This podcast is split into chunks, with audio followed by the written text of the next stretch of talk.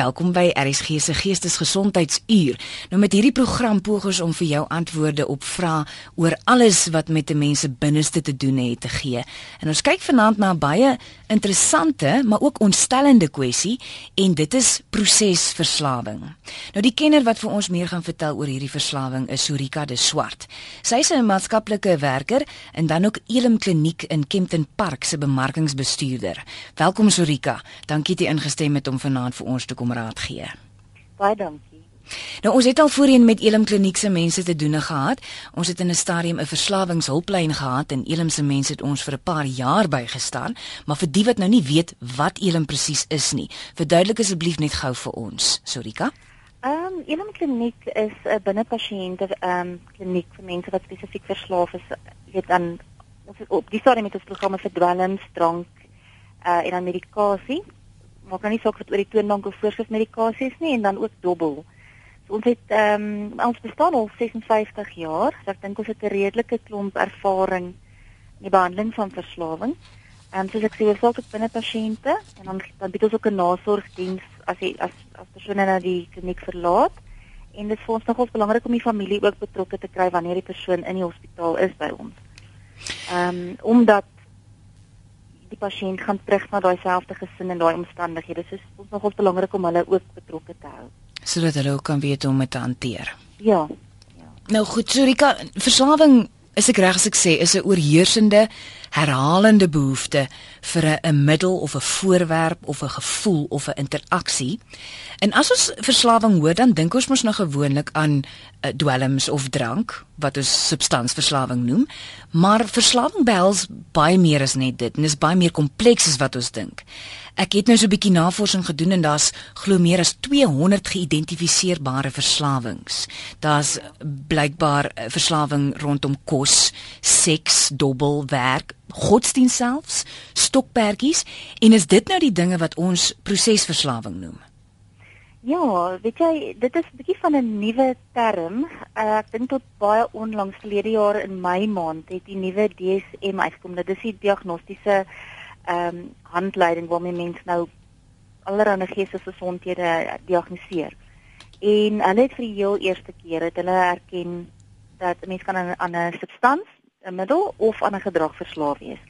Nou enige aktiwiteit wat mense as genotvol beskou kan kompulsief raak omdat wanneer ons dit doen dan raak mens eintlik mos maar bietjie high. Jy geniet jouself, jy beleef euforie of geluk. Ehm um, as jy dink byvoorbeeld as jy nou eet of ehm um, tydens seks of wanneer jy heerlik surf op die internet of seil op die internet. So wat dan gebeur is jou brein se plesiersentrum word geprikkel en verskeie hormone en chemie word afgeskei soos serotonien en dopamien en adrenalien. En omdat dit lekker is, wil mense dit weer en weer doen. En dis heeltemal oukei. Okay. Die probleem is dat baie persone totaal beheer verloor oor oor hulle gedrag. Ehm um, hulle probeer om dit te stop en dan kan hulle nie ehm um, daar's daai totale verlies aan beheer. En dit het dan op die ouende gevolg, jy weet, skuldgevoelens en skaamte en dit beïnvloed jou totale funksionering. Uh, so die kat terwyl ons dan nou wag vir ons eerste vraag of ehm um, stelling ja. kan ons so 'n bietjie kyk na prosesverslawing verder. Jy het nou gesê uh dit is dan nou kos, wat het jy nou alles genoem? Ja, die daar's sê sê daar's omtrent 200 sulke tipe van gedrag waaraan mens kan verslaaf raak of wat kompulsief kan raak. Maar die die hoofsaaklike wat ons maar mee te doen kry is kosverslawing, inkopieverslawing, uh seksverslawing wat dan nou pornografie insluit, uh kompulsiewe dobbel verslawing aan oefening en internetverslawing. Aan oefening? Ja. OK, maar nou sê almal vir 'n mens ongesond te wees moet jy nou gereeld oefen. Ehm um, maar wanneer kom jy nou by daai punt wanneer dit wanneer dit van van gereeld oefen oorgaan na 'n prosesverslawingsoefen? Oefening is net soos met elke ander prosesverslawing, dis 'n dis 'n gesonde iets wat goed is vir 'n mens waarvan jy op die ouene net beheer verloor. So die tipiese tekens is as mens 'n baie rigiede oefenpatroon het, jy jy slaan net nooit 'n dag oor nie of jy siek is of nie. Nou gewoonlik as 'n mens 'n besering opdoen, dan sit jou lyf se manier om vir jou te sê, okay, skiep 'n dag of twee. Um, iemand wat verslaaf is aan oefening, sal ten spyte van 'n besering aanhou oefen. Uh, weet hulle skep ander aktiwiteite af om te kan oefen. Jy gaan nie na die familie braai toe nie want jy moet by die gim kom. Ehm um, jy boek nie 'n vakansie nie want jy kan nie by die gim kom as jy by die vakansie is nie en so aan En uh, dis ook mense wat as hulle nie professionele atlete of sport sportmense is nie, dan as jy meer as 2 ure 'n dag uh oefen, dan begin jy waarskynlik jou liggaam uitbrand. En jy weet as jy dan nou nie kan oefen nie, dan is net soos met 'n dwelmslaaf of 'n alkolikus, dan voel jy geïrriteerd, jy het mm. sekere onttrekkingssimptome. Iemand vra nou hierso uh, per SMS, wat is die verskil tussen obsessiewe kompulsiewe gedrag en verslawing? Ek is um, dis nou baie by die persoon wat daai vraag want dit is die een vraag waarvoor ek bang was. Omdat daar 'n dispuut vir jare al is oor wanneer is dit obsessie en wanneer is dit kompulsie en wanneer is dit verslawing. Want dink die kort antwoord is net dat obsessie is baie te doen met die gedagtes. So jy is altyd besig om te dink wanneer jy nou hierdie gaan ehm um, either hierdie aktiwiteit gaan deelneem, hoe jy dit in die hande gaan kry, byvoorbeeld as jy nou 'n um, kompulsief dobbel jy spandeer 'n klomp tyd aan te dink, jy weet, hoe gaan jy nou jok? Hoe gaan jy by die by die dobbelhuise uitkom? Waar gaan jy die geld kry? En as jy nou groot wen, waar gaan jy dit nou wegsteek? So 'n klomp gedagtes wat wat besig is um en wat intrusive is as ek daai woord kan gebruik. Ja. Terwyl die kompulsie is dan die gedrag wat voortvloei uit al daai gedagtes uit. So, en en so dit hou verband met mekaar. Mm, absoluut. Eh, verslawing wil ek amper sê 'n kombinasie van daai twee goed is. Dit neem jou gedagtes oor en dit dit manifesteer in jou gedrag. Goed. Nou vra iemand, ek dink ek kan dalk verslaaf wees aan my werk, maar hoe sal ek nou weet of ek is?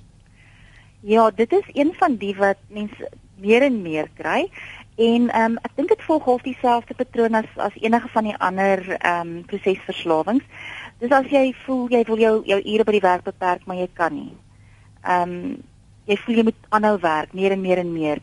So jy jy onttrek jou van ander aktiwiteite. Weet jy kan nie by die skool kom vir jou kind se sport nie en jy kom baie laat by die huis, jy sien skaars jou vrou. Ehm um, jy sal eet by jou lesenaar, jy sal ehm um, waarskynlik waarskynlik soveel tyd daar spandeer dat jy nie uitkom by oefening nie, dat jy te min slaap. As jy oortyd werk vir ure en ure wanneer dit nie van jou verwag word nie.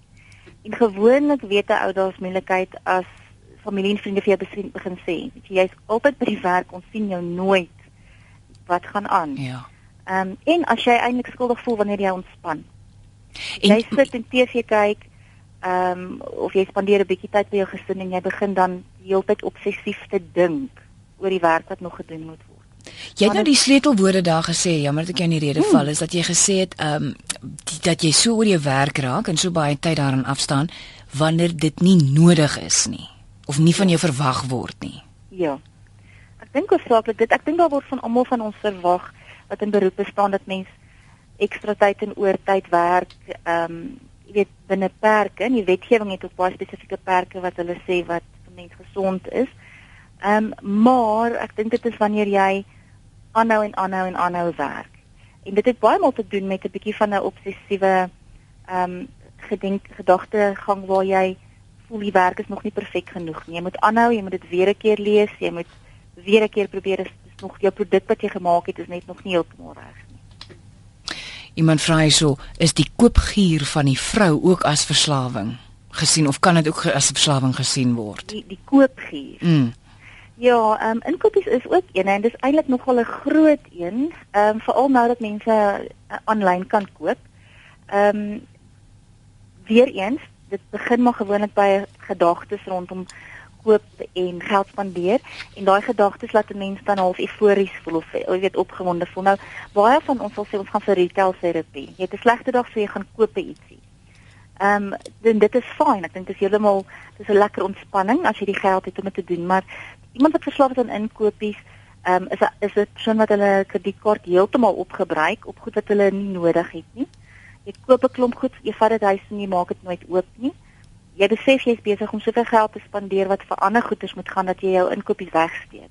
Jy laai nie laai nie die inkopies af terwyl jou man by die huis is nie. Jy wag nou 'n rukkie en dan is daar ook op die ouende raak 'n mens so ehm um, gedryf deur die dopamien dat jy sal steel en jok om hierdie kopery van jou in stand te hou. En die groot ding dan jy probeer stop maar jy kan nie.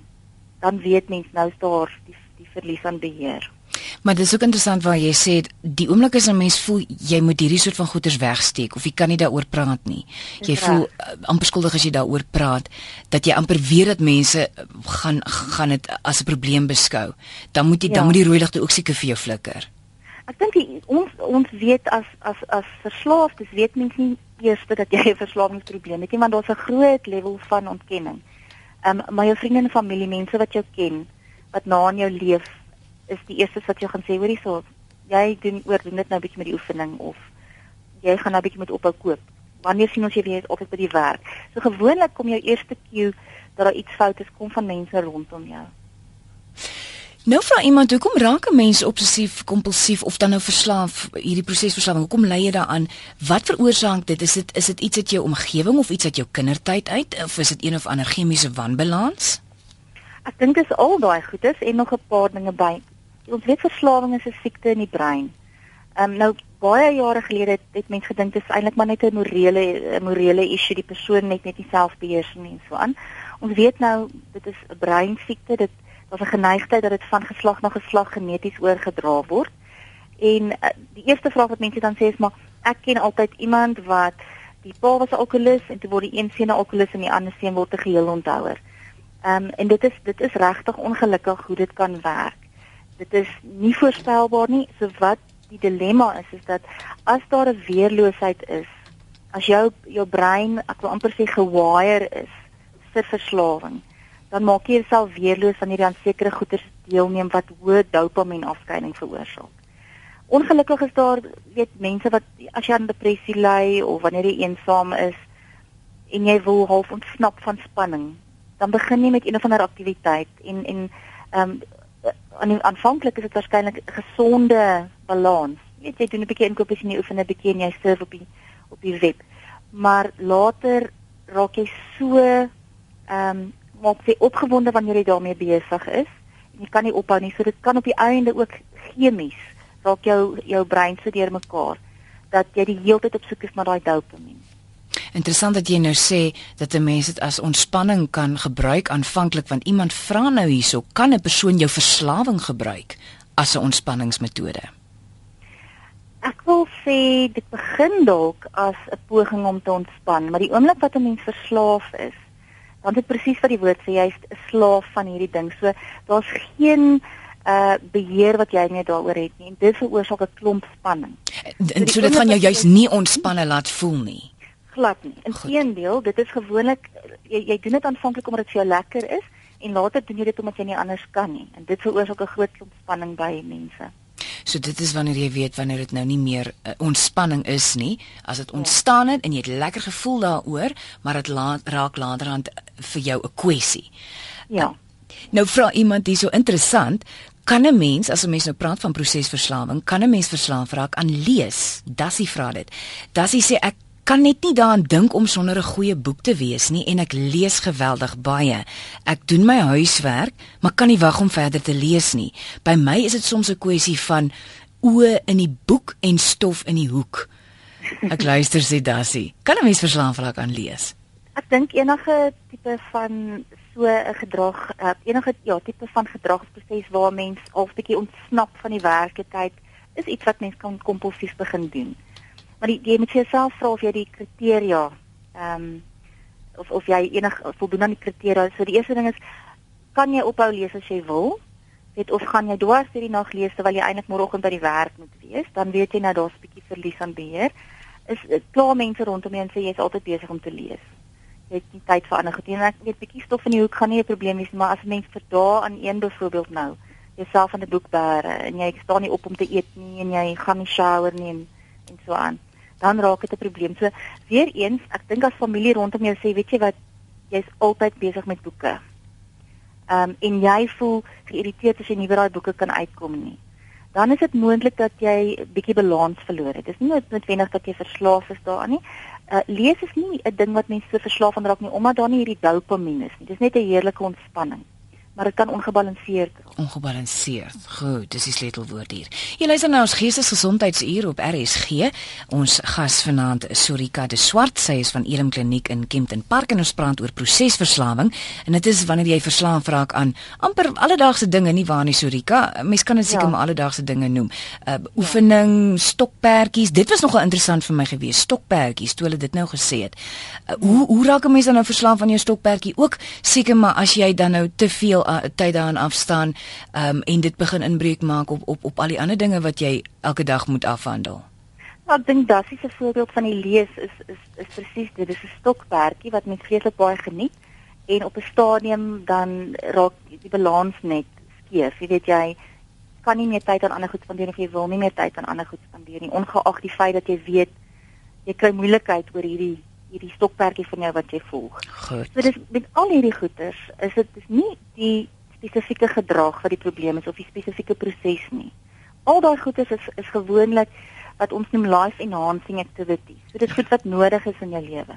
Maar op een of ander stadium dan is daar 'n 'n punt waar iemand beheer beheer verloor oor hulle gedrag en dan raak dit 'n probleem. Tot en met dan is dit nie 'n probleem nie. Ek sien ons het uh, twee mense wat uh, nou gebel het. Kom ons hoor gou wie is ons eerste oproep. Goeienaand, die een is weg. Goeienaand, RSG. Net gou jou radio af asseblief. Daar's hy. Hallo. Goeienaand, met wie praat ek? Uh ek wil graag anoniem bly. Jy's welkom. Gaan maar voort. Uh ek is 'n ouerige persoon, maar ek sit met 'n enorme probleem en ek weet nie hoe om dit te verwerk nie. Uh ek is 57 jaar getroud. Uh ek en my vrou was 3 jaar verloof gewees en in daardie 3 jaar se tyd het ons die verloving 3, 4 keer verbreek. Wees die feit dat sy met ander ander jong manne ook uitgegaan het en ek haar betrap het. Ons is, is ons is getroud. Ek het in Pretoria gebly. Daar toe ons terugkom van ons uh honeymoon af het uh toe ek weer begin werk. Ek het op die spoorweeg gewerk en ek het ek was 'n stoker op die spoorweg gewees en ek het uh partykeer tot 2, 3 dae weg van die huis af gewees toe het ons aanvanklik by haar ouers gebly, maar net vir 2 en 'n halwe maande. Toe daar toe my skoonpa ons uit die huis uit weggejaag, want jy weet jy feit dat die telefoonrekening was ontsettend hoog geweest, soos sy haar vriende gebel het en uitgenooi het huis toe. Ek het die werk daar gelos, ek het getrek na Plitland se plek toe, ek wil nie die naam noem nie, maar ek het op die myne begin werk. Ek het gepad van die probleme wat ek daar ondervind het. Toe ek in die vreemde plek gekom het, dit was nie lank nie toe het my vrou weer ander vriende gemaak. Ek het 'n huis gekry. Ek het die huis gekoop. My telefoonrekening was elke maand by die 5600 rand. Ek het my vrou betrap. Ek het mooi met haar gepraat. Uh die afgelope 10 jaar uh is sy so uh sieklik dat sy uh sy sy kan nie meer uh uh behoorlik hy sou nie. Ek moet vir haar ten volle sorg. Ek vir haar kos maak. Ek vir haar bad. Ek moet haar op aantrek. Ek moet alles doen. Ek is nog steeds lief vir haar. Maar daar is nou nie meer vriende nie want die laaste vriend wat sy gehad het is oorlede. En die ander vriende het almal ander wyselde gaan soek Ja. ek en sy het ongelooflike probleme en ek weet nie hoe om dit te verwerk nie Ek weet nie wat aanleiding gegee het tot daardie dinge nie dat sy dit aan my gedoen het nie. Ek sal graag by die radio wil luister. Baie dankie. Uh, uh, net voor jy gaan anoniem, anoniem. Uh wat presies wil jy by Sorika weet? Wat se raad presies wil jy by haar hê? die die wat was die oorsaak geweest dat my vrou daardie houding ingeneem het? En uh uh die probleme wat ek en my vrou het, want ons praat elke dag kan jy sê het ons moeilik het ons beklei oor die probleme wat sy in die verlede gemaak het. Wat in die verlede was. Goed. Hoe hoe moet ek dit verwerk? Okay. Hou net bietjie vas vir my. Sorika, dit het nou nie spesifiek te doen met ons tema nie, maar ons praat oor hartsake. So, is jy bereid om vir om vir anoniem hierso 'n bietjie raad te gee? En het jy Ja. dalk nog 'n vraag of twee wat jy vir hom wil vra voordat hy aflei? Ek ek wil net seker maak die die gedrag wat hy Asseblief. sê hy het al dit Ek gaan nou vir jou herhaal. Sê maar vir my Sorika. ja, die gedrag wat hy van praat as hy sê hy het al betrap. Jy weet waarvan praat hy dan? Het jy gehoor wat Sorika vir jou vra anoniem? Nee, ek ek kon nie mooi hoor wat sy sê nie. die gedrag wat wat jou vrou, jou vrou se gedrag wanneer jy haar betrap het, wat presies was dit? Het sy jou verkil? vir ja, ja. So dit was dit was die, dit dit is die gedrag wat jy van praat waarna ja jy dit, verwys. dit is dit is die gedrag, ja. Goed. Sorika, nog 'n vraag of kan hy my aflei? Nee, ek dink uh, ek sal ek sal Kan nou die jou raad laat weet as daar ook nog iets is wat ek gewonder het. Maar ehm um, Goed, anoniem. Skus, laat ek net vir anoniem luister maar by die radio vir my. Dankie vir die bel. Goed, ek gaan by die radio luister. Dankie. En verder tot sins. Ja, Surika, dankie. Dit- dit klink vir my na baie jare se trauma en 'n 'n hele klomp emosionele bagasie. Die die dilemma is dat 'n mens nie sonder om te sit en 'n ordentlike assessering te doen, gaan ons nooit regtig weet presies hoekom iemand optree soos wat hulle optree nie. Maar dit klink wel vir my dat daar ehm, 'n um, klomp destruktiewe gedrag is. Nie nie noodwendig verslawende gedrag gedrag nie. Mens mens dink nou omdat hy praat van verkil, is daar nie dalk seksverslawing of so iets nie. Ehm um, weer eens dis iets wat mens regtig baie deeglik sal moet assesseer en en wat ek vir anoniem wil aanbeveel is om om dalk maar te, te skakel deur die dag dat mense assessering reël vir hulle. Dit is dis half te kompleks om te probeer identifiseer presies wat aangaan. Ja. Dit klink net vir my dat beide van hulle nodig het um, om ondersteuning te kry in terapie. As daar jare se se bagasie en seer kry is. Ja, mense sal 'n bietjie meer inligting nodig hê om om om die regte raad te kan gee. Nou anoniem, ek gaan teen die einde van die program Edem se kontakbesonderhede gee. So, skryf jou skryfgoed gereed. As jy nou nie in hulle omgewing is nie, jy sal seker vir hom kan aanbeveel as hy vir jou sê waar hy woon. Ja, nee, ons sal Waarna toe hy kan gaan dan. Ja. Goed, kom ons hoor wie's volgende op die lyn. Goeienaand. Goeienaand. As almal van hulle nou weg. Goed. SMS hierso. Verduidelik asseblief die verslawing aan godsdiens. Is dit persone wat fanaties godsdienstig is? Wat is eerste die depressie of die verslawing? Goed, so dis nou twee vrae. As jy vir ons eers die verslawing aan godsdienst en dan net kan sê wat kom eerste die depressie of die verslawing? Okay, kan ek die tweede vraag eers antwoord? Yes, welkom. Dit is as ons verwys na na iets wat ons noem dual diagnosis en dit beteken maar daar's twee probleme, maar gewoonlik is dit baie meer kompleks as dit. So dit is mense wonder altyd, het die persoon eers depressief gewees en toe begin alkohol gebruik of het hulle alkohol gebruik en toe depressief geraak? Dis nou maar tipies met alkohol wat wat dit ehm um, baie opsigtelik is dat daar 'n verband is tussen depressie en en alkoholgebruik.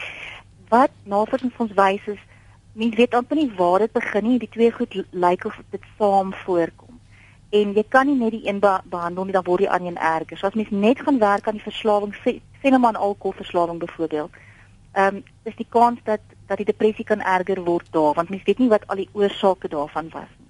Die die gedagte is dat mens die twee goeters saam moet behandel. Ehm um, waarskynlik raak die verslawing soms die primêre probleem wat net eers hanteer moet word, maar dan moet mens nou nie ophou nie, dan moet jy definitief gaan kyk na die depressie. So die kort antwoord is dis die hoender en eier storie. Niemand weet regtig nie. Ehm um, maar wat ons wel weet is ons kan nie een van die twee nie behandel nie want dan gaan die ander een erger word of daar sal 'n terugval kom. Goed, wat dit nou betref en dan die godsdiens aspek. Ja, dis iets waarvoor mens uh, versigtig moet wees. Ehm um, omdat omdat daar soveel waardeverskille is in die manier waarop mense hulle godsdiens beoefen. So wat dalk vir my kan lyk na obsessief ehm um, of kompulsief is is dalk nie vir iemand anders obsessief of, komp of kompulsief nie. Maar ek wil weer vir julle terugvat na die na die tipiese kenmerke van 'n van 'n verslawing en en ek dink nie mense kan sê jy's verslaaf aan aan godsdiens nie, maar ek dink jy kan sê dat daar's 'n ongebalanseerde ehm um, gedrag daar. Nou weer eens, as 'n persoon soveel tyd daaraan spandeer dat hulle hulle onttrek van alle ander alle ander ehm um, aktiwiteite, as hulle nie ehm um, hulle verantwoordelikhede kan nakom nie omdat hulle altyd besig is met die aktiwiteite. As hulle self probeer om dit te verander en hulle kan nie. Net as hulle voel daar's 'n verlies aan beheer, Ja. dan dan raak 'n mens bekommerd daaroor. Maar as dit iemand is wat net werklik baie betrokke is by die kerk en in Bybel lees en dit kan mens nie noodwendig sê dis 'n verslawing nie. Ek kyk nou byvoorbeeld dalk 'n escape. Nee, jy jy jy ontsnap tog in jou godsdiens want dit is waar jy um, ondersteuning vind en troos vind en so aan. Maar daar is ook 'n plek waar dit ongebalanseerd raak. Ekskuus, ek, ek kyk nou byvoorbeeld na hierdie SMS van Jimmy. Hy sê ek doen godsdiensnavorsing vir die laaste 40 jaar, maar ek sien dit nie as 'n verslawing nie, maar dit is met die doel om meer te weet. So Ja. so, so dit in hierdie geval is dit dan ook nie 'n verslawing nie. Dit is meer Nee, half aanvullend sal mens mense sê sê. dis dis 'n dis 'n stokperdjie vir Hmm. vir hom, nê, nee, om meer en meer te leer. So mense is weer gierig. Jy jy doen navorsing daaroor. Die vraag is weer, hou dit jou weg van verhoudings af, hou dit jou weg van ander aktiwiteite af? ehm um, kry jy moeilikheid daaroor as mense vir jou vies omdat jy heeltyd daarmee besig is. En as dit nie die geval is nie, dan dan is daar niks fout daarmee nie. Hier's vir jou lekker ene. Kobus van Bronkhorstspruit sê, "Wat van selfone? Want ek sien so baie tieners gedurig aan mekaar besig met hulle duim op hulle selfone." Sê my, sê Kobus, word dit dan nou as 'n as 'n verslawing beskou want in daardie geval sal as mense seker nou maar sê dat 3 kwart indien nie meer van alle tieners en nie net tieners nie, mense ja. oor die algemeen deesdae verslaaf is aan hulle selfone. Is dit of word dit beskou as 'n noodsaaklikheid wat ons wat ons maar moet gebruik om met mekaar te kommunikeer en, en te met handel bedryf en al daardie dinge deesdae? Wat van selfone? Baie interessante vraag. En ek dink weer daar's 'n stukkie van waarheid in beide die die standpunte. Ek dink kommunikasie het verander. Die manier waarop ons kommunikeer in besighede bedryf het verander. So jy kan amper nie sonder 'n selfoon meer klaarkom nie. Maar daar's verseker is daar in in die DSM-5 wat ek nou-nou na verwys het, die handleiding waarmee jy nou kan diagnose maak. Ehm um, het hulle dit eintlik inge, ingesit hierdie jaar. Hulle noem dit internet gaming addiction. Maar ons wat in die veld werk weet is baie baie meer as net hierdie internet gaming addiction waar jy aanlyn vir ure speel saam met ander mense. So ons weet vir 'n feit dat daar verskillende tipe van ehm um, ons noem dit uh, tegnologie verslawing. Dis hy ja. Maar dit nie net te doen met met die internet nie en dit sluit in die kompulsiewe lees van jou BBM's, e-mails, SMS'e en jou WhatsApp. Ja. Ehm um, dit sluit in eBay, jy weet waar mense bid op baie tot middernag. Jy sal twee opstaan om gou jou jou ehm um, jou bid in te sit daar's mense wat nie kan ophou met hulle forex trading weet aanlyn nie en dan sal jou aanlyn dobbelaars en dan staar die die social media ook mm. Facebook mm. en Twitter en so aan. So dis definitief 'n baie baie groot probleem. Dit het 'n 'n reuse effek op nommer 1 mense se gemoedstoestand, hulle sosiale vaardighede, die die intimiteit binne verhoudings, die emosionele koneksie binne verhoudings. So dis 'n dis 'n ding wat ons nodig het, 'n necessary evil maar ek dink weer eens daar's nie balans nie by baie mense. Kyk, so balans is op die ou en die sleutelwoord. Ja. 0891104553 dit is die nommer as jy telefonies aan ons geestesgesondheidsuur wil deelneem vanaand ons praat oor prosesverslawing en dit is verslawing aan al daai alledaagse dinge soos kos, oefening, stokperdjies, godsdienst, seks, dobbel, daardie soort van dinge. As jy iets wil weet, Sorika de Swart van Elim Kliniek verskaf vir ons die antwoorde vanaand. Kom ons hoor wie's volgende op die lyn. Goeienaand, RSG. Hallo, goeienaand. Ek wil anoniem bly. Dis vir Want ek was my jong daar absolute werk hoe lus gewees ek by die minder gewerk as 'n onkete. Maar uh, ek het 'n bietjie moeilikheid aan die arme opgejaag toe en toe vriendin begin lê. En uh, ek het 'n bietjie siek geraak. En natuurlik uit die arme kom dit kom môre op sy oor op pad jy toe gaan. Toe kon ek nie gewerk as dit is meer gedrag as kop. Dan die meisie wat ek liefgehad het met 'n ander ouetjie gehad jy begin rook en kry gebruik en dakke gerook en dit is sterk geword. Dis ek uh, maar galies woord. Ja, dit het lank tyd gesit. En uh, ek het nou 'n rookprobleem. Ek kan nie slaap nie. Nee. Ek ek ek het die hele lewe. Uh wat rook dagga rook of gewone sigarette rook? Nee, ek het dit gelos maar ek rook my in 'n koma en ek rook baie en uh, ek kan nie slaap. Gewo gewone sigarette sê jy? Ja. Okay. Pyp en twak en alles. So jy wil bietjie raad hê? Dag en dag gelos. En jy wil dan nou raad hê oor om die sigarette te los? Ja, en ek eh, omdat ek so baie gewerk het, ek loop aan mekaar. Ek kan nie op loop nie. Ek skep die hele wêreld vol. Goed, Sorika. Kan jy vir die man raad gee? Wil jy nog 'n vraagie of twee vra of kan hy maar nee, afraai? Ek gaan hom probeer. Kan hy by die nee, kan hy by die radio luister? Goed. Luister vir ons by die radio. Dankie vir die oproep. Reg so. Wat vir my baie interessant is, hy het die spyker op die kop geslaan hier. Hy sê hy kan nie slaap nie mm. en dan sê hy ook hy rook baie. Wat baie mense vergeet is dat ehm um, nikotien of sigarette is is 'n stimulant. So dit werk op jou sentrale senuweestelsel. Dit wat ons sal sê eintlik al dit sit jou lyf in in maximum overdrive. Ja. So alles gebeur vinniger en ehm um, dit stimuleer weet jou brein. So jy gaan nie kan goed slaap in die aand as jy baie gerook het in die dag. Dis soos om klomp koffie te gedrink het. So die oomblik wat 'n mens baie sigarette rook, is daar twee effekte. Die eerste ding is jy kan aan angs en rusteloosheid um, ly wat vir my klink hy hy beskryf, jy weet die op en af lopery. Ehm um, en die tweede ding wat vir my interessant is daar is Hy hy het verwys na aanvanklik het hy eers was dit eers alkohol gewees en toe was dit dagga en kokaine en nou is dit rook. En dis eintlik 'n baie algemene verskynsel. Uh wat ons noem kruisverslawing. Mm so met ander woorde daar's 'n geneigtheid om verslaaf te wees en 'n persoon beweeg net van een verslawing na die volgende verslawing. So dis die die jy kry nie beheer oor die kompulsiewe gedrag nie. En rook is een van die heel moeilikstes om te los. En daar's verskeie goeders wat jy by apteke kan kry. Jy weet daar's daar's nikotien patches en daar's elektroniese sigarette wat jou kan help. Ehm um, dis nie elke ou wat net kan sê ek is nou klaar en dan sit hy die sigarette neer en en hy rook nie weer nie. Dit is werklik werklik baie moeilik. En as jy mens so iets wil doen, moet jy weet jy gaan jy gaan ernstige onttrekkingssimptome kry. Angstigheid en naarheid, hoofpyn, geïrriteerdheid en so aan. Ja. Ehm um, so ek wil hom aanraai om eintlik te begin by sy apteker of by sy huisdokter. Mm. Dat hulle vir hom iets gee wat sal help vir die onttrekkingssimptome en dat hulle vir hom iets sal gee wat die die die uh, krywings 'n bietjie minder maak. Goed. Ek wil nou gou vir jou hierdie SMS van B van Port Elizabeth lees want dit ek dink som nogal verslawing as sulks goed op. Sy sê my ma het altyd gesê waar daar 'n te by is, kan dit 'n probleem raak. Dis dis absoluut. Ja. Ja. Ja, dis daai balans wat verloor verlore raak.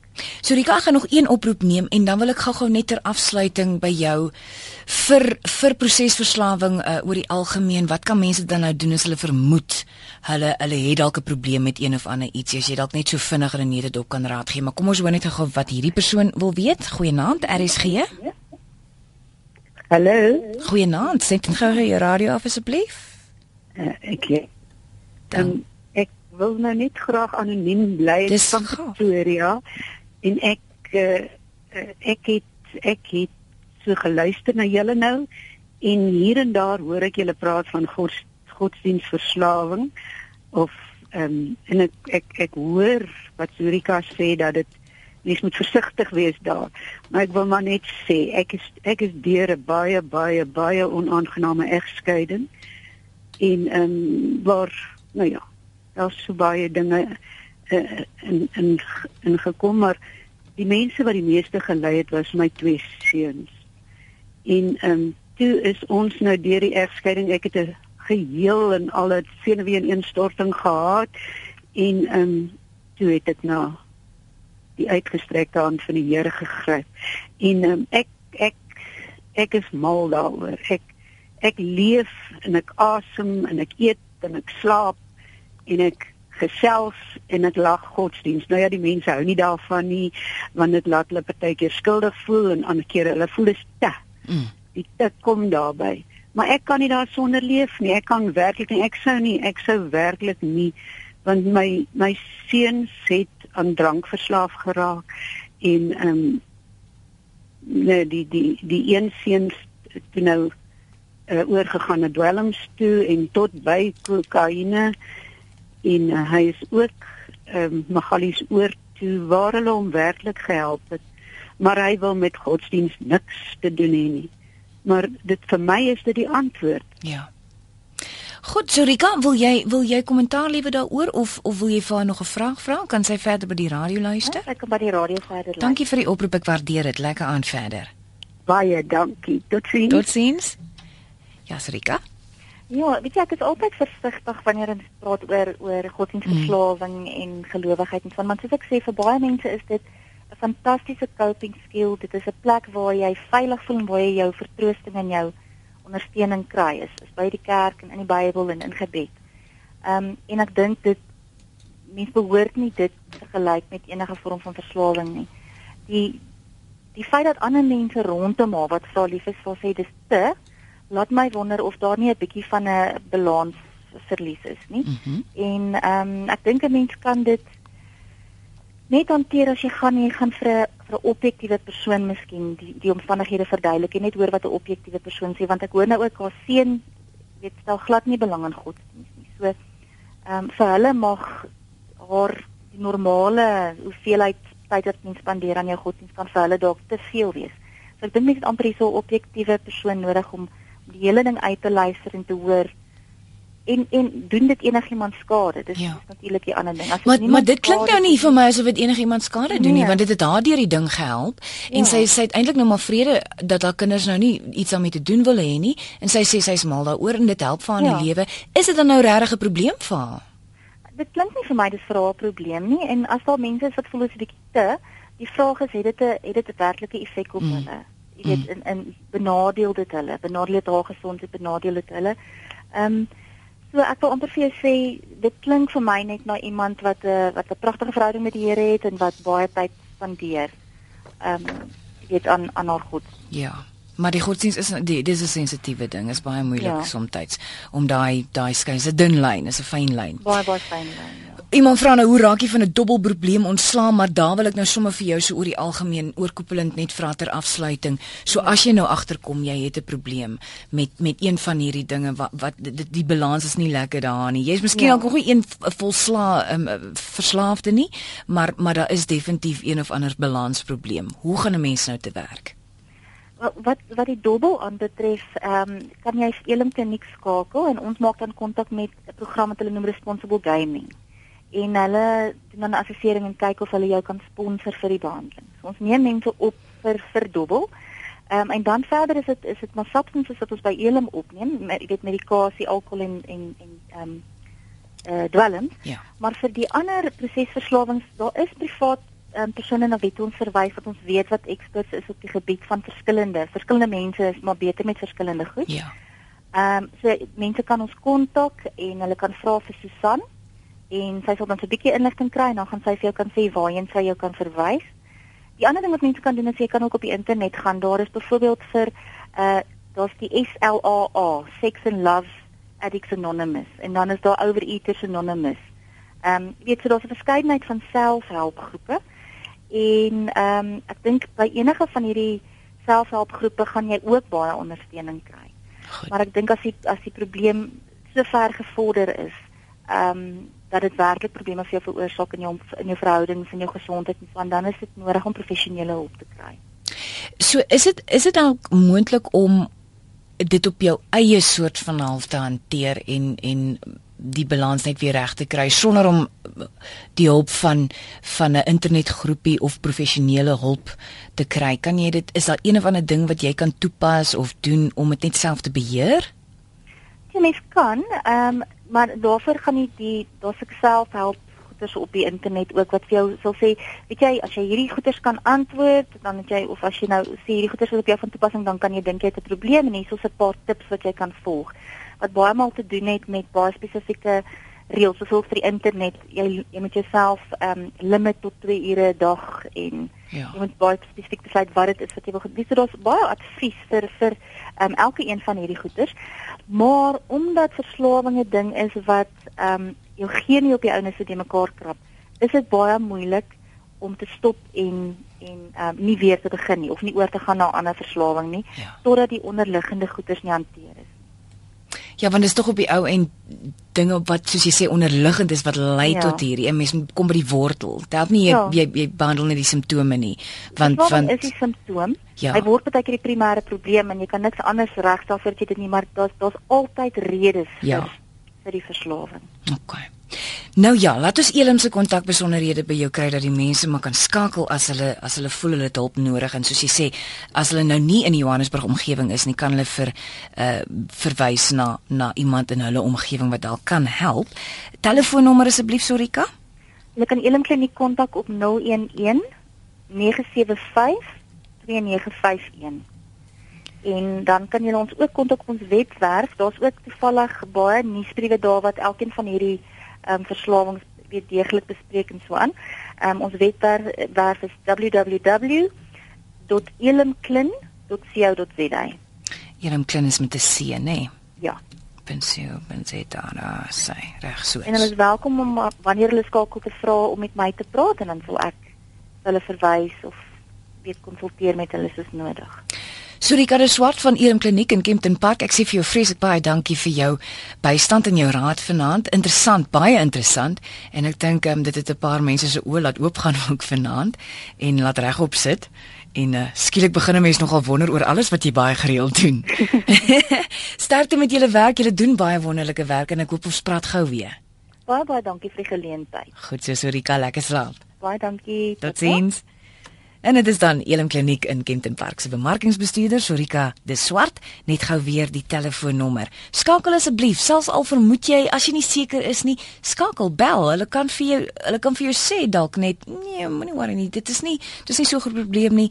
Dit dis eintlik nog onder beheer of ehm um, hulle kan vir jou dalk verwys na die korrekte persoon, maar dit is altyd beter om hierdie goeters maar vroeg aan te pak as jy net vermoed. Dan moet jy maar skakel. Dit is net 'n telefoonoproep wat dit vir jou gaan kos.